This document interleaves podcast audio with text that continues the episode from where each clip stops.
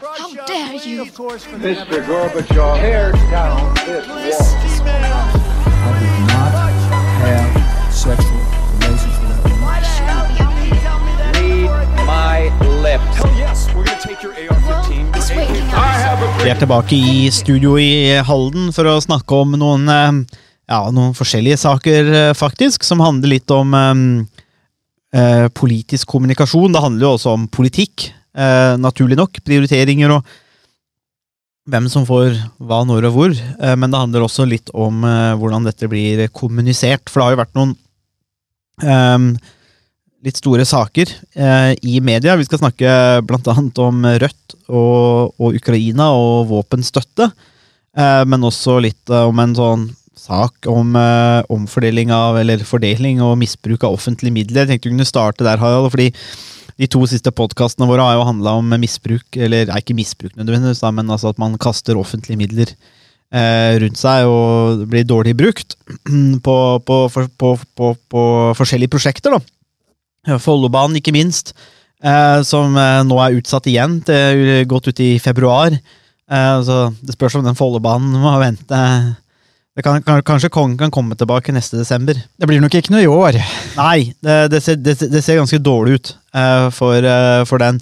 Så, men et annet eksempel da, på dette med misbruk, det, det, det handler jo ikke bare om, uh, om altså, dårlig bruk av midler, men dette handler jo egentlig en, mer en sak om misbruk av midler. Det har jo vært en sånn eh, saken da, om Andreas hus i Kristiansand, altså, som handler om barnepalliasjon. Eh, særdeles viktig og eh, viktig eh, område, egentlig, som, er, eh, og, som også fortjener eh, midler til å drive dette. Men dette er jo da et privat eh, har vært et privat foretak eller institusjon, men de har jo fått midler, og det er jo også er jo ganske viktig.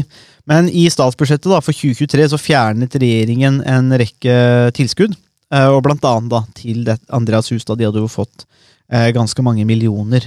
Eh, men så mista de tilskuddet, eh, og det ble det jo en del eh, bråk ut av. Eh, nå har det ettertid vist seg da at, at her har det blitt misbrukt midler, og man har ikke brukt de midlene til det det skulle gå til. og man, Det har vært en, del snusk, for å si det på den måten. Og, og det er jo problematisk i seg sjøl. At eh, offentlige midler blir misbrukt på den måten. Men det er ikke det som eh, jeg Eller har lyst til å legge vekt på akkurat nå. fordi at eh, hvis vi tenker rent eh, kommunikasjonsmessig, Harald, så må jeg si at eh, når jeg så litt sånn eh, oppsummerende på den saken her, så ser man sånne eh, eh, saker i blant annet NRK hvor, eh, hvor Tone Trøen fra Høyre eh, er, går veldig hardt ut mot regjeringa da statsbudsjettet kom. Og, og på en måte sa at eh, det er døende barn det er snakk om, og at det er et brutalt kutt eh, for døende barn osv. Og, så det, det, det, det legger jo et ganske sånn, skal vi si, ekstremt altså det, det bidrar jo til å sette veldig spiss på budskapet eh, og fordeling. Altså Det foregår jo tiltak for barnepalliasjon altså i det offentlige, så det er jo ikke sånn at dette er det eneste tilbudet, at man fjerner alt. Men her fjerna man eh, tilskuddet til denne organisasjonen. Eh, og så får man denne type, denne type eh, argumentasjon eller retorikk fra eh, ja, Tone Trøen i Høyre, men også Erna, Erna Solberg hadde jo et Facebook-innlegg hvor man snakker om disse barna som er sjuke, som er døende, og som på en måte legger da trykket over på regjeringen, og nærmest liksom Dette er en regjering som da ikke tar hensyn til dette. Og ja, politikk handler jo om hvem som får hva, når og hvor, og hvordan man fordeler ting.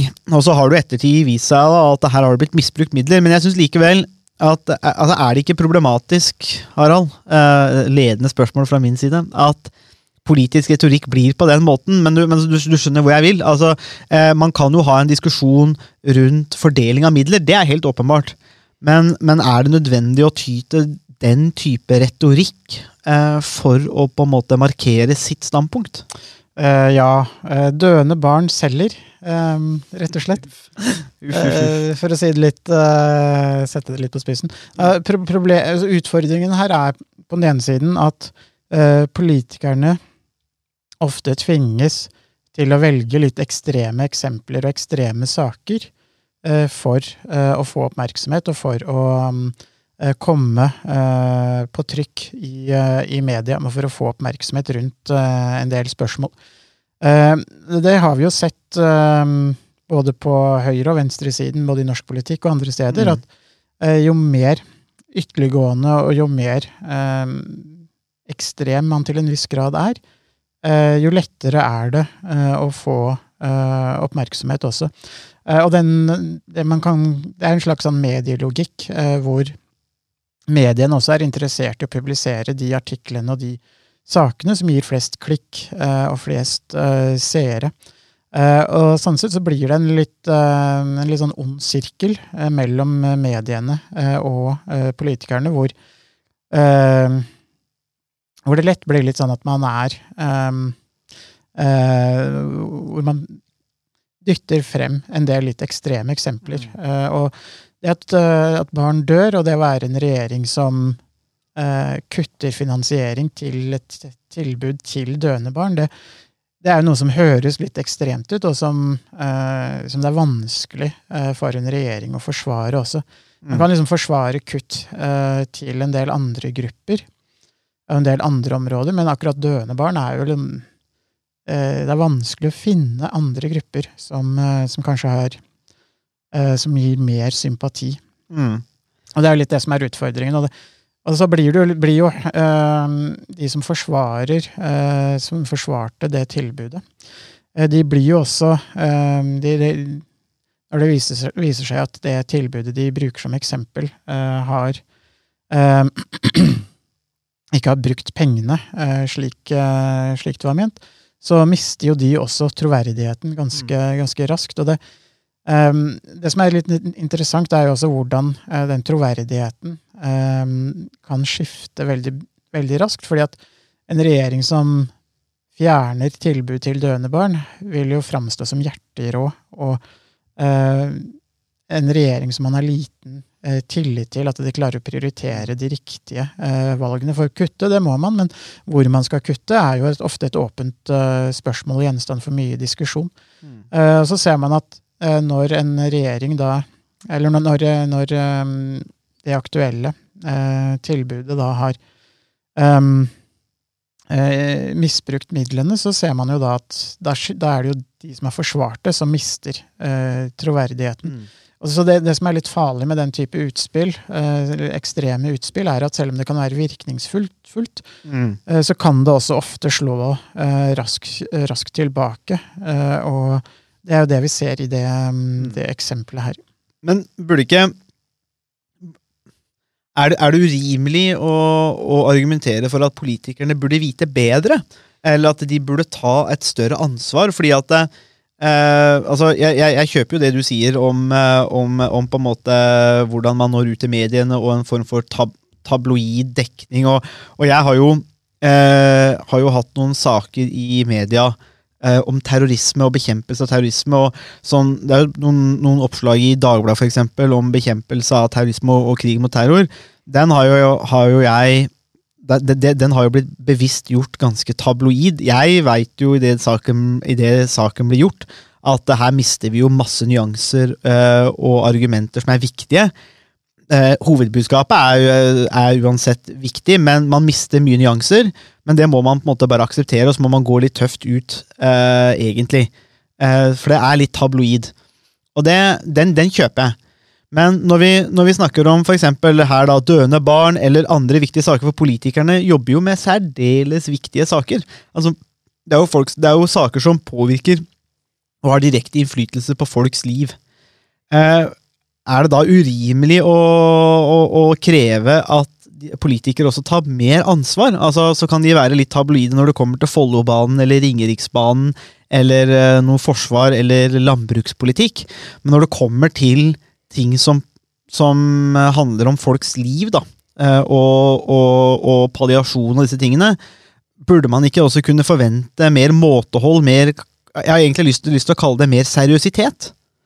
Nei, jeg tror faktisk ikke det. Jeg tror Um, altså Utfordringen er jo ofte at skal, eh, hvis man skal gi et intervju på TV, så har man 90 sekunder det er ofte det man, man får på en nyhetssending.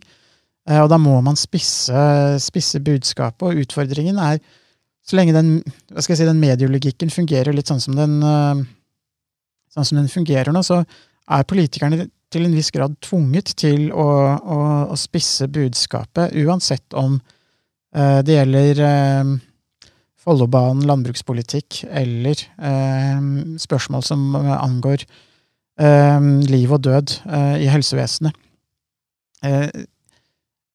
Problemet er at hvis man stiller seg på utsiden eh, av den eh, medielogikken, så eh, vil man vil det resultere i at man står på sidelinjen og ikke blir, blir spurt og ikke kommer, kommer frem. Så har mediene et større ansvar, da? Ja, altså mediene Det her er jo, et, det her er jo en symbiose mellom mediene og politikerne. Og mediene har på én side eh, et ansvar også, men man kan, man kan like gjerne si at vi som, eh, som borgere eh, og som mediebrukere også har et ansvar. Mm. Eh, For vi klikker oss inn på de Facebook-postene og på de artiklene. eh, Og ser på de eh, videoene osv. Mm. Eh, Og Dagbladet de, de teller jo antall klikk Mm. eh, når, eh, når du har et oppslag om, eh, om terrorisme. Og eh, de vet at de, eh, og journalisten vet jo at eh, jo flere klikk, jo bedre. Mm. Eh, og, og derfor blir jo vinklingene sånn eh, som de blir. Eh, og vi leser det jo. Så, Det er jo, det er bare sånn det er jo, Jeg har jo opplevd at, eh, vi, at det var en sak som jeg bidro til, eh, der eh, og journalisten var ferdig med saken, og det var egentlig en veldig bra sak om Taliban, eh, og et veldig viktig perspektiv. Eh, men hvor eh, tilbakemeldingen fra redaksjonssjefen var at eh, Taliban trenda ikke så veldig mye i klikk, så da unnlot de, og da så var det sikkert noen tullinger fra Ex on the Beach eller Paradise Hotel eller hva, hva søren det heter, som, som sikkert ga mer klikk, så da var det mer nyhetsverdig enn at Taliban var i Norge og forhandla. Ja. og og det er jo, det er jo en sånn løpende utfordring. Og det er jo også på, fra, nesten fra time til, til time. Eh, mange saker eh, ligger jo bare på for, forsiden. Og øverst på forsiden noen få timer før de eh, forsvinner ned i eh, Og blir på en måte til mindre saker, og det kommer nye saker. Eh, og folk eh, sjekker jo ofte eh, de store nettavisene kanskje flere ganger om dagen. Eh, og da forventer de kanskje at det skal være nye saker. Eh, de- Har de lest om Taliban på formiddagen, så vil de lese om noe annet uh, når de kommer på ettermiddagen. Uh, det, så det er jo litt sånn Det her er ganske Ja, men jeg, jeg- altså, jeg, jeg, jeg, tar poenget, men jeg er fortsatt ikke helt villig til å på en måte forlate eller slippe at jeg forventer mer av politikerne. fordi jeg synes likevel at, de, at vi burde kunne forvente mer verdighet nærmest, eller seriøsitet av politikerne i en del spørsmål. Eh, og bakgrunnen, eller det jeg har lyst til å løfte det fram til, er jo nettopp det du nevnte i stad. Hvis du går hardt ut sånn som det er gjort her, da, f.eks. fra høyre side, eh, så, og også mange andre har gjort i andre saker, så blir også fallhøyden desto større. Men det, eh, det problemet jeg ser, er at det kan jo også bidra til å bygge ned tillit. Fordi at Da vet man jo at ok, denne politikeren, da, Tone Trøen, er bare ute etter tabloide overskrifter og dytter fram, og så tar hun feil. Og Det har vært litt av problemet i Høyre, eller det som folk har pekt på nå, er jo det at selv etter at det, har blitt bevist at det her har blitt misbrukt offentlige midler, så, så sitter man stille i båten. Man tar ikke noe ansvar for det, og man går ikke tilbake eller, eh, eller nyanserer det eller forsvarer eller gjør noe som helst. Man sitter bare stille i båten, holder kjeft og håper at folk glemmer. Og For meg så er det djupt problematisk. da. Eh, Jeg skjønner hvorfor de gjør det, og jeg skjønner mediespillet. Men hvis vi tillater å tenke oss litt sånn, ja, kanskje litt idealistisk da, i demokratiet vårt, kanskje, eller politiske systemet, så syns jeg likevel at det er veldig problematisk at man slipper unna med en sånn type atferd, fordi at det bidrar jo til å på en måte trivialisere noe av politikken. Det blir bare et slags spill. Eh, man er ikke seriøs i, i seriøse spørsmål. Og da er det kanskje ikke så rart da, at vi ender opp med, med en del saker som at, altså at, at politikerne ikke klarer å ta seriøse beslutninger knyttet til f.eks. offentlig forbruk. da, For at de har ikke disse seriøse genene i seg, nærmest. Det er bare sånn spill, og så, og så raser man rundt og, og herjer, og tar ikke ansvar for utsagn og påstander og feilaktige ting. Eh, så, så jeg, det, det er liksom det jeg tenker her. Men hvis du følger den linja der litt, Harald, hva var dine refleksjoner rundt det? For det er jo en sånn det er jo bare en sånn tankerekke, da.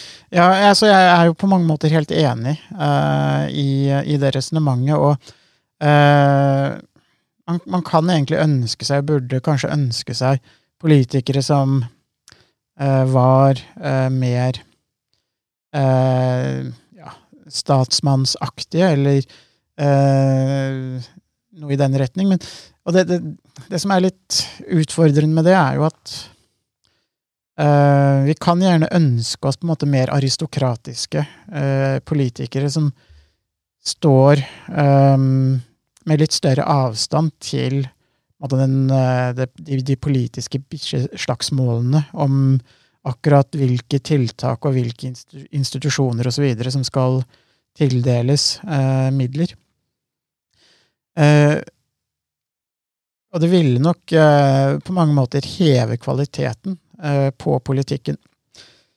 Det som er problematisk, er at da ville vi et mer, fått et mer elitistisk politisk system, eh, hvor eh, politikerne var sto med lengre avstand til eh, både borgerne og også de beslutningene som de tar, for da ville man tatt mer overordna Ehm, beslutninger, eh, og ikke vært så hands on som det man mm. ofte er i behandlingen av ehm, statsbudsjettet i, eh, i Norge, eh, hvor KrF kjemper om midler til noen av sine hjertesaker når de forhandler, og det samme gjør SV når de forhandler med Arbeiderpartiet osv. Da må det bli slutt på den Da må det også bli slutt på den eh, praksisen med å belønne eh, sine trofaste eh, støttespillere. Eh, da må man ha et, eh, et helt annet politisk eh, system for å håndtere bevilgninger. og det, det, det, Da får man også en politikk som er mer elitistisk. og der får man også et spørsmål om i hvilken grad politikerne representerer vanlige folk. Eh, vanlige folk eh, vil jo kanskje til en viss grad også være litt sånn eh, opptatt av å sikre seg og sine interesser. Og sine støttespillere. Mm. og det er jo, hvis man tenker at politikerne skal representere folket, og gjenspeile folket sine interesser, hvis det er et ideal for representasjon, Eh, så, mm, så, må man leve med at politikerne er litt som oss mm. også. Og uh, så, så det er litt, litt problematisk, fordi det, det, er litt, det, er det er mange avveininger som, som gjør seg gjeldende samtidig.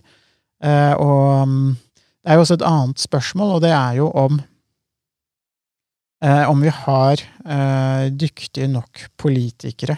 det er jo noe vi har diskutert. Mm i mange sammenhenger. Det, det, ja, det kan du si. Og det er jo et tilbakevendende uh, spørsmål.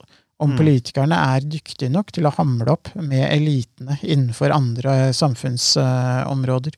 Mm. Og der, der, tenker nok jeg at, vi, at politikerne er, er nok svakeste, den svakeste eliten i, i, samfunnet. Det er de som har minst eh, kompetanse, og som har minst visjoner, eh, og minst eh, ideer om hva man egentlig skal, eh, skal, gjøre, og bruke den makten de, eh, de har fått til. Mm. Nei, jeg syns det, det, er vanskelig, men det er eh, som sagt det, det går, Jeg syns det, går litt løs på troverdigheten til politikere når de på en måte når du ytrer deg på den måten, da, og, og så tar feil. Eh, så blir det litt sånn problematisk, syns jeg. Ja, altså Spørsmålet er jo litt kunne en næringslivsleder kommet unna med det? Mm. Eh, eller en toppleder i eh, offentlig forvaltning? Mm. Og, og, det er jo et åpent spørsmål. Mm. Hvis, hvis, en næringslivsleder hadde kommet med noen av de samme litt sånn flåsete utspillene som en del politikere kommer med, så, mm, så, er det ikke sikkert at den lederen ville vart eh, Nei, også, så veldig lenge. Men så har du noe med den der polariseringen, eller altså, det gjør det så ekstremt. For det var jo også noe, men det var jo et, et, et mye mer grelt eksempel, syns jeg. Men det var jo da og det, For det handla jo ikke men det var på, litt, på, litt, på, en litt annen måte. Men det handla jo om da Sylvi Lysthaug på en måte la ut på Facebook dette med at uh, Arbeiderpartiet støtter terrorister. Uh, og, og der var på en måte alt faktuelt feil. og så hadde man vel, valgt å gå for en sånn veldig sånn eh, tabloid greie på sosiale medier, som ba, rett og slett bare var feil. Altså, det var sånn Det bidrar ikke til debatten i det hele tatt. Det er bare en sånn måte å fordumme det på, og gjøre det mer ekstremt. og det er sånn men jeg, jeg leser dette her på en måte i den, litt den samme konteksten. Da, at, eh, at det er litt sånn Noen ting må du måtte holde deg litt for god for. Altså Det er lov, sjøl om du er PR-kåt, dum politiker, så er det mulig å på en måte ikke eh, måtte gjøre, ta disse grepene. Det er mulig å på en måte holde kjeft og ikke vise folk at du er dum. da Istedenfor å gå ut i media og, og altså, altså, jeg, jeg sier dum, men altså litt sånn i en litt sånn eh, Ja, jo, men jeg mener det egentlig òg. Men jeg, jeg, det, det som igjen, da, det irriterer meg fra et litt sånn idealt, ideelt standpunkt, det er det at det, det bryter ned tillit. Fordi at det, og, og det som er at det bygger opp en forventning om at det er sånn politikere er, og da er spørsmålet ok, men hvor seriøs er du? Så kan det hende at som du sier, Harald, at de kanskje ikke er verken så veldig seriøse eller dyktige, og da særlig da komparativt, altså sammenligna med andre eliter. Og det vil jo være et problem, for da kan, man, kan disse utnytte eh, det politiske systemet for sine interesser. Så det, det, er, jo, eh, det er jo noe interessant der. Men eh, la oss gå over til den andre saken i podkasten, Harald. For det også handler jo om ja, en del merkelige politiske avgjørelser, kanskje. Kanskje ikke så fryktelig mye mediateft. Rigiditet. Og en del merkelige vurderinger. Og vi snakker jo da om, om, eh, om partiet Rødt, eh, partiet Rødts eh, holdning til, til krigen i Ukraina. og våpenleveranser og Natos rolle. Det har jo vært en mye omtalt debatt på NRK som, som, som jeg ikke har fått sett. Jeg skal bare kvalifisere med det, men jeg har, jeg har fått med debatten i andre kanaler, deriblant Dagsnytt 18. Og fra hva jeg kan se på sosiale medier, så var det en del av de samme argumentene som kom igjen der. Så jeg har, jeg har fått, eh, fått, eh, fått det med meg. Men eh, Og her har de jo fått fryktelig mye tyn for, sitt, for sitt standpunkt. Og det har jo noe med det at i 2019, da, i, i Rødt sitt partiprogram fra 2019, som, som fortsatt er gjeldende, da, så skriver jo også Rødt at eh, nå som det er i 2019 altså, nå som konfliktnivået mellom USA og Russland øker igjen, følger Norge USAs linje og stiller norsk territorium til disposisjon for amerikanske styrker sin militære innringing av Russland. Rødt mener at Norge ikke skal stille seg på noen side i kampen mellom imperialistiske stormakter, og vil, og vil støtte verken Russland eller USA. Eh, og det var da sitat eh, fra prinsipprogrammet til Rødt. Eh, og det var jo 2019, da, eh, før invasjonen av Ukraina. Men det er, det, det er jo det at eh, Rødt da ikke vil sende våpen til Ukraina, henger jo kanskje noe sammen med dette grunnsynet om at eh, det store problemet er egentlig USA og Natos militære innringing av Russland. Det er jo egentlig der, der det bunner ut. Eh, men det er jo litt av en sak, det her òg, Harald. Eh, som eh, Ja, hva skal vi si om den? Ja, eh, det har jo blitt sagt, eh, sagt veldig mye eh, allerede. Og, Rødt har jo blitt, blitt kritisert med rette for at de, de, tar, de tar feil i spørsmålet om våpenhjelp, og våpensendinger til, til Ukraina. Og utenriksministeren var jo var jo sjeldent klar og tydelig i Dagsnytt 18 eh, for noen dager siden også, hvor hun argumenterte mm, for eh, at eh, Rødt sin, sitt eh, ståsted i spørsmålet om eh, våpenhjelp til Ukraina var med på å skade og undergrave norske sikkerhetsinteresser. Og det er jo en ganske alvorlig påstand å komme med. Og jeg er litt usikker på om Rødt kan eller bør skifte standpunkt i, i det spørsmålet her. fordi Som du var inne på i sitatet du leste opp, eh, Sondre, så er jo eh, Rødt sin politikk veldig tett knyttet til et, et veldig eh, et bestemt eh, politisk eh, grunnsyn. Eh, Og hvis de da skifter eh, posisjon, så er det vanskelig. Da det rakner på en måte hele korthuset som eh, Rødt sin, eh, sin politikk eh, bygger på. Eh, og det, det gjør at eh, de blir eh, avkledd, eh, og at man ser at politikken eh, ikke rett og slett ikke passer over med, med virkeligheten. Eh, og eh, det er jo det er jo alvorlig eh, for Rødt, eh, dersom de da befinner seg i en situasjon hvor eh, politikken ikke tåler Mm. virkelighetens lys. Og så er det, er det et annet moment som eh, ikke har fått, som har fått noe oppmerksomhet, men ikke så mye som det jeg syns det fortjener, og det er jo tidsspørsmålet her. Eh, De aller fleste norske partiene mm, hadde jo et prinsipielt standpunkt eh, om å ikke sende våpen til stridende parter. Mm. Og det har vært offisiell norsk politikk siden eh, 1959 eller noe sånt, hvis jeg husker riktig. Eh, Og det har jo vært et, eh, et fornuftig standpunkt eh, på mange områder og over lang tid. Men det som er spesielt, er jo at fra 23. februar til 24. februar eh, i fjor så endra nesten alle norske partier syn, rett og slett fordi at virkeligheten endret seg fra en dag til en annen. Og de, fleste eh, norske partiene de, de var raske til å se hva som var behovet, og hva som var moralsk og politisk eh, riktig å gjøre i den situasjonen. Og det som er problematisk eh, med Rødt eh, sitt eh, standpunkt, og eventuelt om de endrer standpunkt, er at de har jo da brukt nesten et år eh, på å ta eh, riktig eh, beslutning.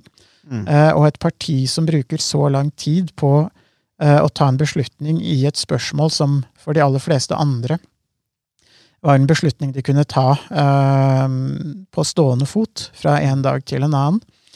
Eh, det sier også noe om eh, hvor eh, måte det er hva slags moralsk kompass eh, de har, og at kanskje det moralske og politiske kompasset er eh, er eh, litt eh, ute å kjøre. Eh, og det her er jo litt Moralsk sett så er det her sammenlignbart med å være vitne til en alvorlig trafikkulykke og stå på, på siden og se på mens de andre hjelper til. Og Rødt har på en måte stått i veikanten og sett på en trafikkulykke uten å vite hva som er riktig å gjøre, i snart et år. Og det er jo et er, tenker jeg er ganske alvorlig. Um, og eh, at man ikke klarer uh, å ha et moralsk kompass som um, klarer å håndtere uh, den type alvorlige eh, spørsmål. Og hvis de ikke klarer å håndtere den type spørsmål, eh, vil de da være i stand til å håndtere mindre alvorlige eh, spørsmål. Mm. Det er jo det er, også, også fremstår det litt sånn Altså, Man er jo veldig låst da, i, den, eh, i, dette, i dette synet på særlig på Nato eh, og USA som på en måte den, den, store imperialistiske Satan som, som på en måte ser ut til å trumfe alt av på en måte gangsyn og kompass ellers. Eh, og det som er, er at jeg ser jo det at i, i en del av argumentene fra Rødt, så er det sånn Det fremstår jo også langt på vei som en slags mer sånn teoretisk øvelse. At de, de, eh, de snakker om, eh, om krigen eh, som en slags eh, teoretisk greie, og så sier de at For de har jo et argument? De har jo et argumenter om at det å gi våpen, eller sende våpen til stridende parter, vil bidra til å forlenge krigen, og dermed også mer død og faenskap. Og egentlig så er jo det riktig. Altså, eh, Hvis man ser på det, så er det jo ingen tvil om det. Altså, Hvis man kunne stanse all våpenproduksjon i landet, eller i verden, så klart at det hadde jo blitt mindre. Eh, det er litt sånn eh, eh, at eh, det er mange som Hvis man vil bruke, bruke vold i politiske spørsmål, f.eks., så, er jo, så er jo det, det er jo, en, er jo et spørsmål. Men det andre spørsmålet er hvor i alle dager får de våpnene fra? Og hvis man klarte å kontrollere det, så ville jo det her stilt seg annerledes. Men, men det, blir, det blir på en måte en litt sånn teoretisk øvelse ved å si at ja, det blir mer krig, og vi vil ikke støtte det. Nei, altså på, på en måte, men det, det, det, det, er, det, blir, ja, det blir mer teoretisk og egentlig ikke så relevant for situasjonen, når man da veier det opp mot andre faktorer, ikke sant? For det er jo andre variabler og faktorer man må ta inn i, inn i, inn i regnestykket, og det er jo det andre partier da har gjort. Ikke sant? For Man har jo et, et prinsipp som jeg mener er riktig, at man ikke skal selge våpen til stridende parter. Det mener jeg òg at egentlig som et prinsipp er riktig. Men, men så får man da for første gang på lang tid krig i Europa. Eh, og vi, vi hadde jo krig på Balkan nå, men det var jo mye mindre stater. Poenget her er at det er jo Russland eh, en supermakt i, tradisjonelt i verden, og med atomvåpen. Eh, og hvis ikke det får deg til å gjøre noen justeringer, så er, det, så er spørsmålet hva vil? På en måte, Hva er det du venter på da? Og, og det er det jeg tenker på når jeg snir det med teoretisk øvelse, så er det litt sånn jeg får, jeg får sånn følelsen av Rødt nå, at det er litt den der intellektuelle, radikale venstresida hvor revolusjon alltid er en utopisk drøm i framtida. Det er litt sånn som Slavoj Zizek, som drømmer om en slags guddommelig vold som skal kunne rense opp i alt, men alt blir jo bare en teoretisk hendelse, eller teoretisk øvelse, og så klarer man aldri å, å forholde seg til eh, faktiske realiteter, da, og hvordan det faktisk fungerer for folk. Ja, eh, jeg tenker det er et veldig viktig, viktig, poeng. Eh, Rødt forholder seg ikke til virkeligheten og til verden sånn som den er, men de forholder seg til eh, en historieforståelse og en, et, en virkelighetsforståelse som har vært på tap, eller som har tatt, måte, vært på feil side av historien ved omtrent hver eneste mulighet den politiske bevegelsen og det politiske grunnsynet som, eh, som, Rødt uh, er basert på, de har vært på feil side av historien omtrent hver eneste gang. Den eneste konflikten eller situasjonen de har stått på riktig side av, var vel muligens motstanden mot invasjonen av Irak i, i, 2003, men bortsett fra det så har det stort sett bare vært har det stort sett vært på feil side av historien.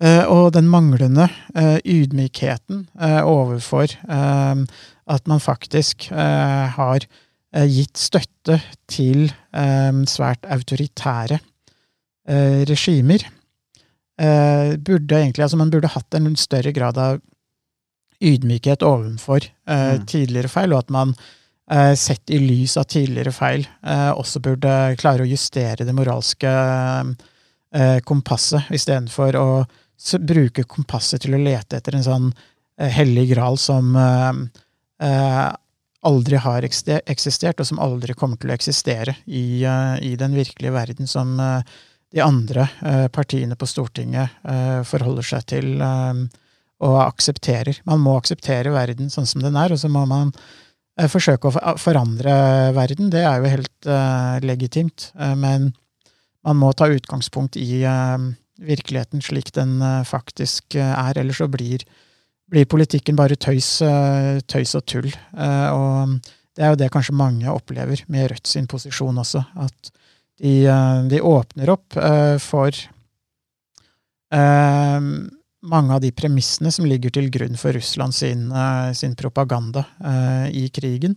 Eh, og at de eh, på mange måter legitimerer eh, en del av de standpunktene som, som Russland kommer med.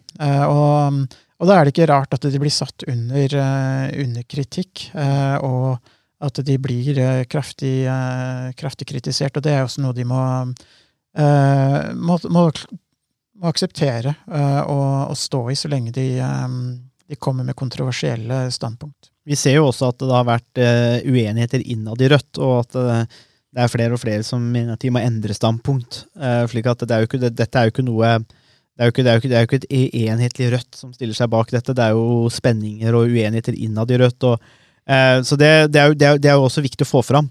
at man, og at man gjør denne snuoperasjonen, da.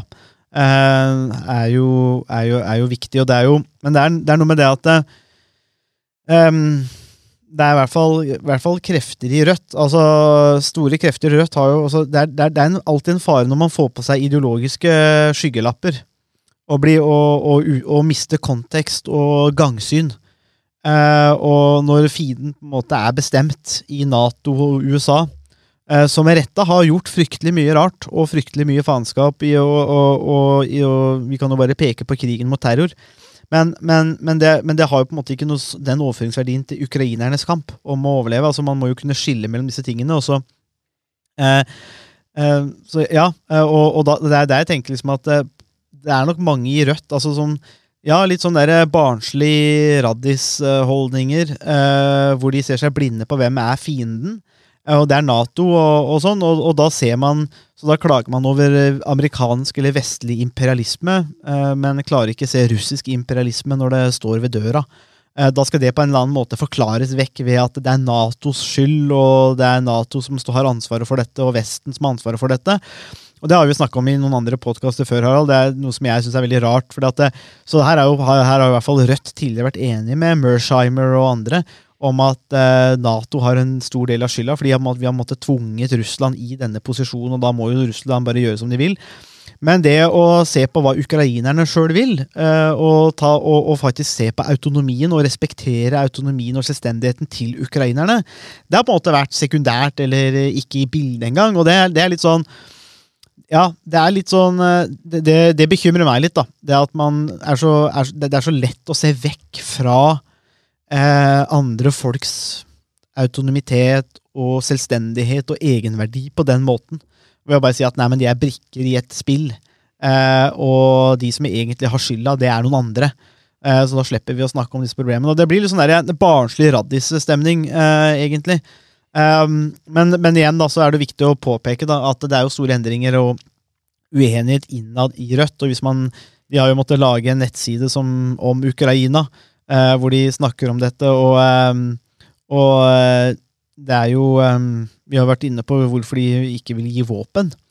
Eh, og de er jo også klare på i tekstene der at, eh, at det er jo Russland som bærer skylda for eh, angrepet 100 eh, Så de, de har jo i hvert fall ikke lagt seg på den Nå har de i hvert fall ikke lagt seg på den Mersheimer-linja, hvor at Nato og sånn egentlig er et problem. Men så har man jo denne rep representanten fra Rødt da, som gikk på NRK Debatten og også påpekte at Nato motarbeider forhandlinger eh, og, og disse tingene.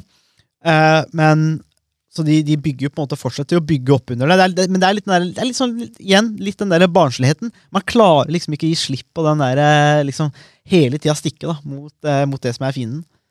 Ja, og, og det er jo veldig spesielt når eh, hele det politiske prosjektet til Rødt er bygd på antiimperialisme. Eh, og så klarer man ikke å kjenne igjen eh, imperialisme eh, når, eh, når Mm. man ser det. Og da er det et, eh, noe som er alvorlig galt med eh, analysene og premissene som man bygger analysene på. Eh, og, og det er også det som er litt eh, Som jeg syns er litt problematisk, fordi at skal Rødt sin politikk på en måte være teoretisk konsistent, i hvert fall, så er det vanskelig eh, å, å skifte standpunkt i, eh, i det spørsmålet her. Eh, og hvis de skifter standpunkt, så, så kollapser på mange måter hele Rødt sitt politiske prosjekt. Eh, og problemet er jo at de, de, de, de klarer ikke å forholde seg til virkeligheten slik den eh, faktisk er. Mm. Eh, og da da kan man stille spørsmålstegn ved om, om Rødt eh, som politisk eh, prosjekt eh, hva slags eh, framtid eh, de, de ser for seg. Og hvis de aksepterer en del av de premissene som de andre partiene eh, har akseptert i forhold til våpenhjelp til Ukraina og eh, eh, hvordan konflikten skal, eh, skal håndteres, eh, så må de rett og slett eh, endre eh, hele sin utenrikspolitikk. Og, det, og, da vil, vil Rødt eh, være et helt annet eh, parti enn det de, eh, det de er i, i dag. Um, så um, det blir veldig spennende å se om de faktisk kommer til å endre uh, standpunkt. Uh, og i så fall hvilke konsekvenser uh, det, vil, det vil ha for, for Rødt, og um, hva slags politikk de vil, de vil fronte. både når det gjelder Ukraina, men også i andre utenriksspørsmål. Mm. Nei, det er, det, er, det er- jo et godt poeng. Uh, hvis det skal være konsistent, så må de jo foreta noen valg. Uh, og man blir jo satt i en, i en svært vanskelig posisjon, fordi det har tydeligvis gått innover, innover i, for mange i Rødt, uh, realiteten. Og så er det jo kanskje flere som også forstår problemene her. At da må vi gjøre noen endringer, men da, da mister vi jo på en måte den, den delen av partiet som også gjorde det unikt, ikke sant, og skilte det ut i den politiske faunaen i Norge. Det, for det har du gjort, ikke sant? og det har gjort det enklere for Rødt å, å, å vise seg fram, skille seg ut og, og på en måte bli, eh, bli eh, attraktive. Og, og det er jo en del av de tingene som de foreslår som altså Det er jo, ikke, det, det er, jo, er jo helt ok, og det er jo ikke noe, noe voldsomme greier, det, men Men, men, men hvis man er litt på kant med, med det, det folk opplever i virkeligheten, så, jo, eh, så blir det vanskelig, da. Eh, og så kan, kan det jo eh, ja, fremstå som litt eh, Som man kanskje trivialiserer konflikten litt òg. særlig for de som er i Ukraina. Jeg tenker på sånn Rødt har jo foreslått noen ting som de mener regjeringa kan gjøre, og det er jo å innføre en lov som gir Norge mulighet til å straffeforfølge Putin. Usikker på om det legger veldig mye press på Putin om man kan straffeforfølges i Norge. Eh, svekke russisk kampmoral ved å gi beskyttelse til russiske desertører. Altså, eh, usikker på eh, nytten her. Altså, skal man desertere fra Ukraina og så ta seg til fots da, eh, gjennom Europa opp til Norge? Usikker på om det der er noe sånn kjempegreie der. Gi russiske aktivister og kunstnere asyl. Altså, Det å gi aktivister og sånn asyl, da har man for allerede gjort i en viss grad, og, men de blir jo for tatt av, av dage da, av Putin og regimet hans. Men, men altså, absolutt. Ha mer åp åpenhet om eierskap. Kaste ut russiske oligarker. Eh, altså Ja, uh, for så vidt. Men det er lite av det der som faktisk gjør noe med situasjonen i Ukraina, og som adresserer det faktum at eh, deler av ukrainsk territorium har blitt ulovlig okkupert av Russland.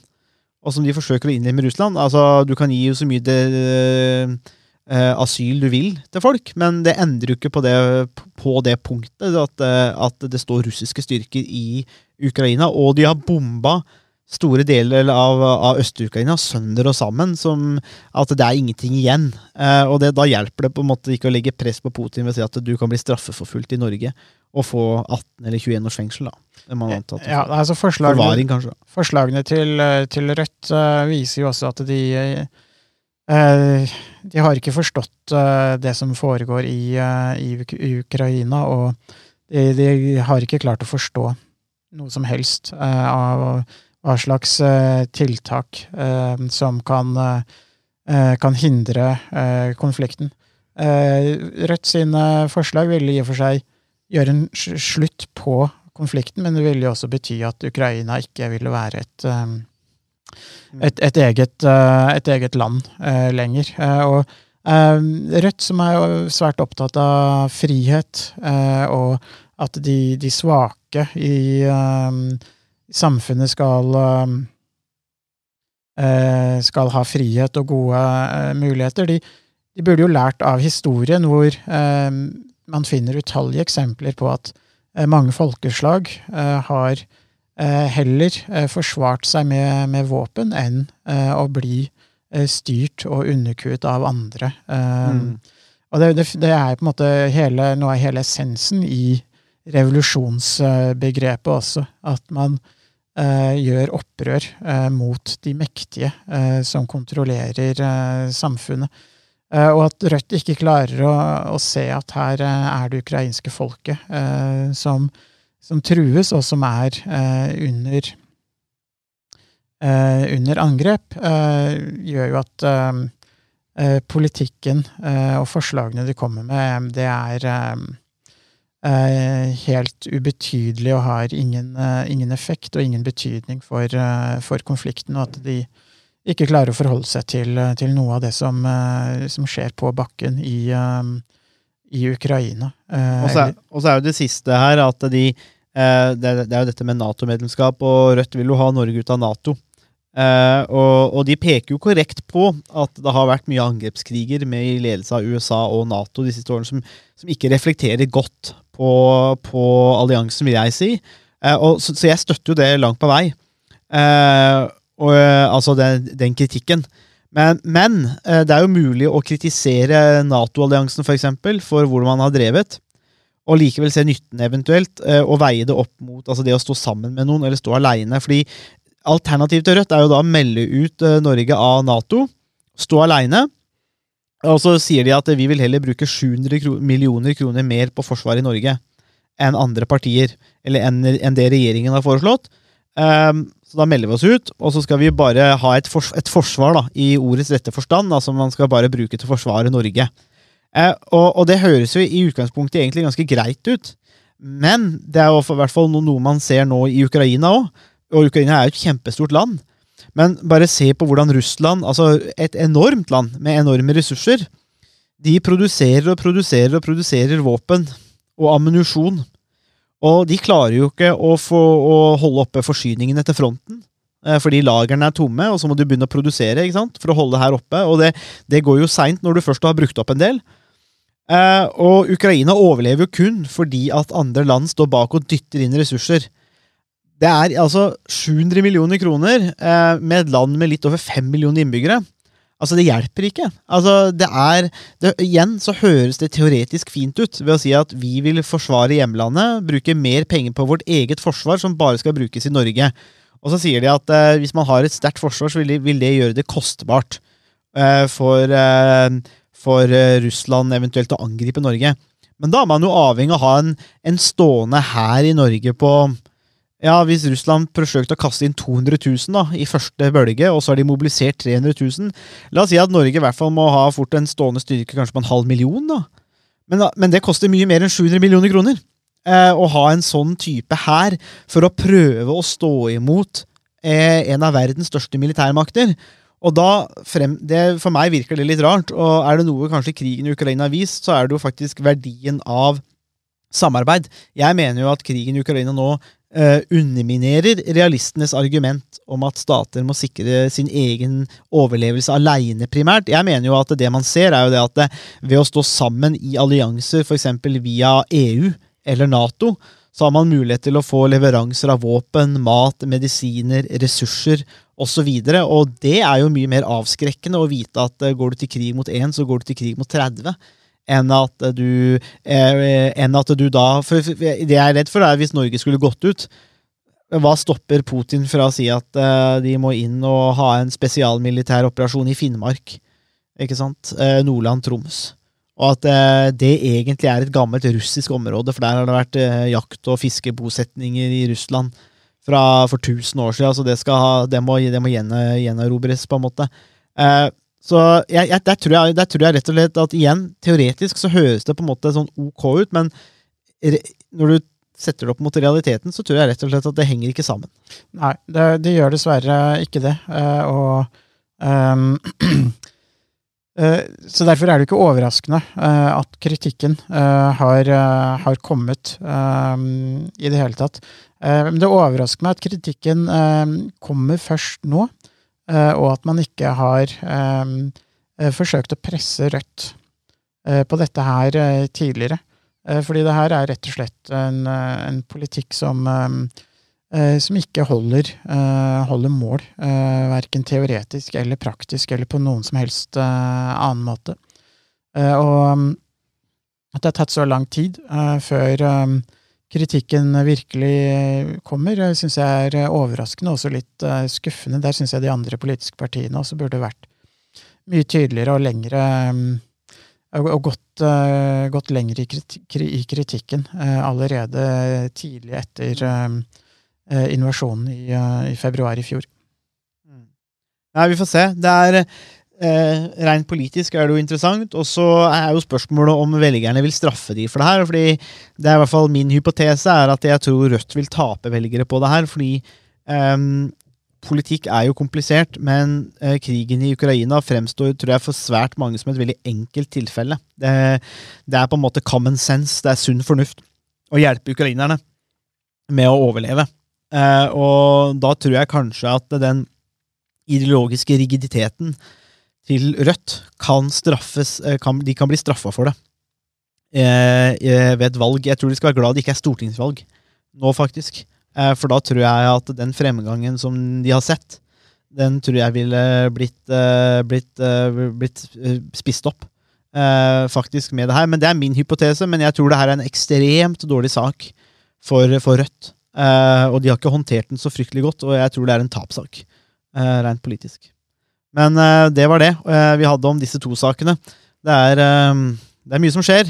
og igjen, vi må jo bare gjenta det. Krigen i Ukraina kommer vi jo garantert tilbake til, fordi ukrainerne holder jo ut og har jo erobra en del land, så vi må nok tilbake og snakke mer om det seinere. Så får vi se da om de, om de ulike partiene og Rødt gjør noen endringer fram til neste podkast. Takk for at du hørte på Statsvitenskap og sånt. Har du spørsmål, kommentarer eller tilbakemelding, så er det bare å ta kontakt på vår Facebook-side, per e-post eller brevdue. Musikken er som vanlig laget av Robin Horvath, og Mats Halvorsen mikser og redigerer podkasten. Vi høres!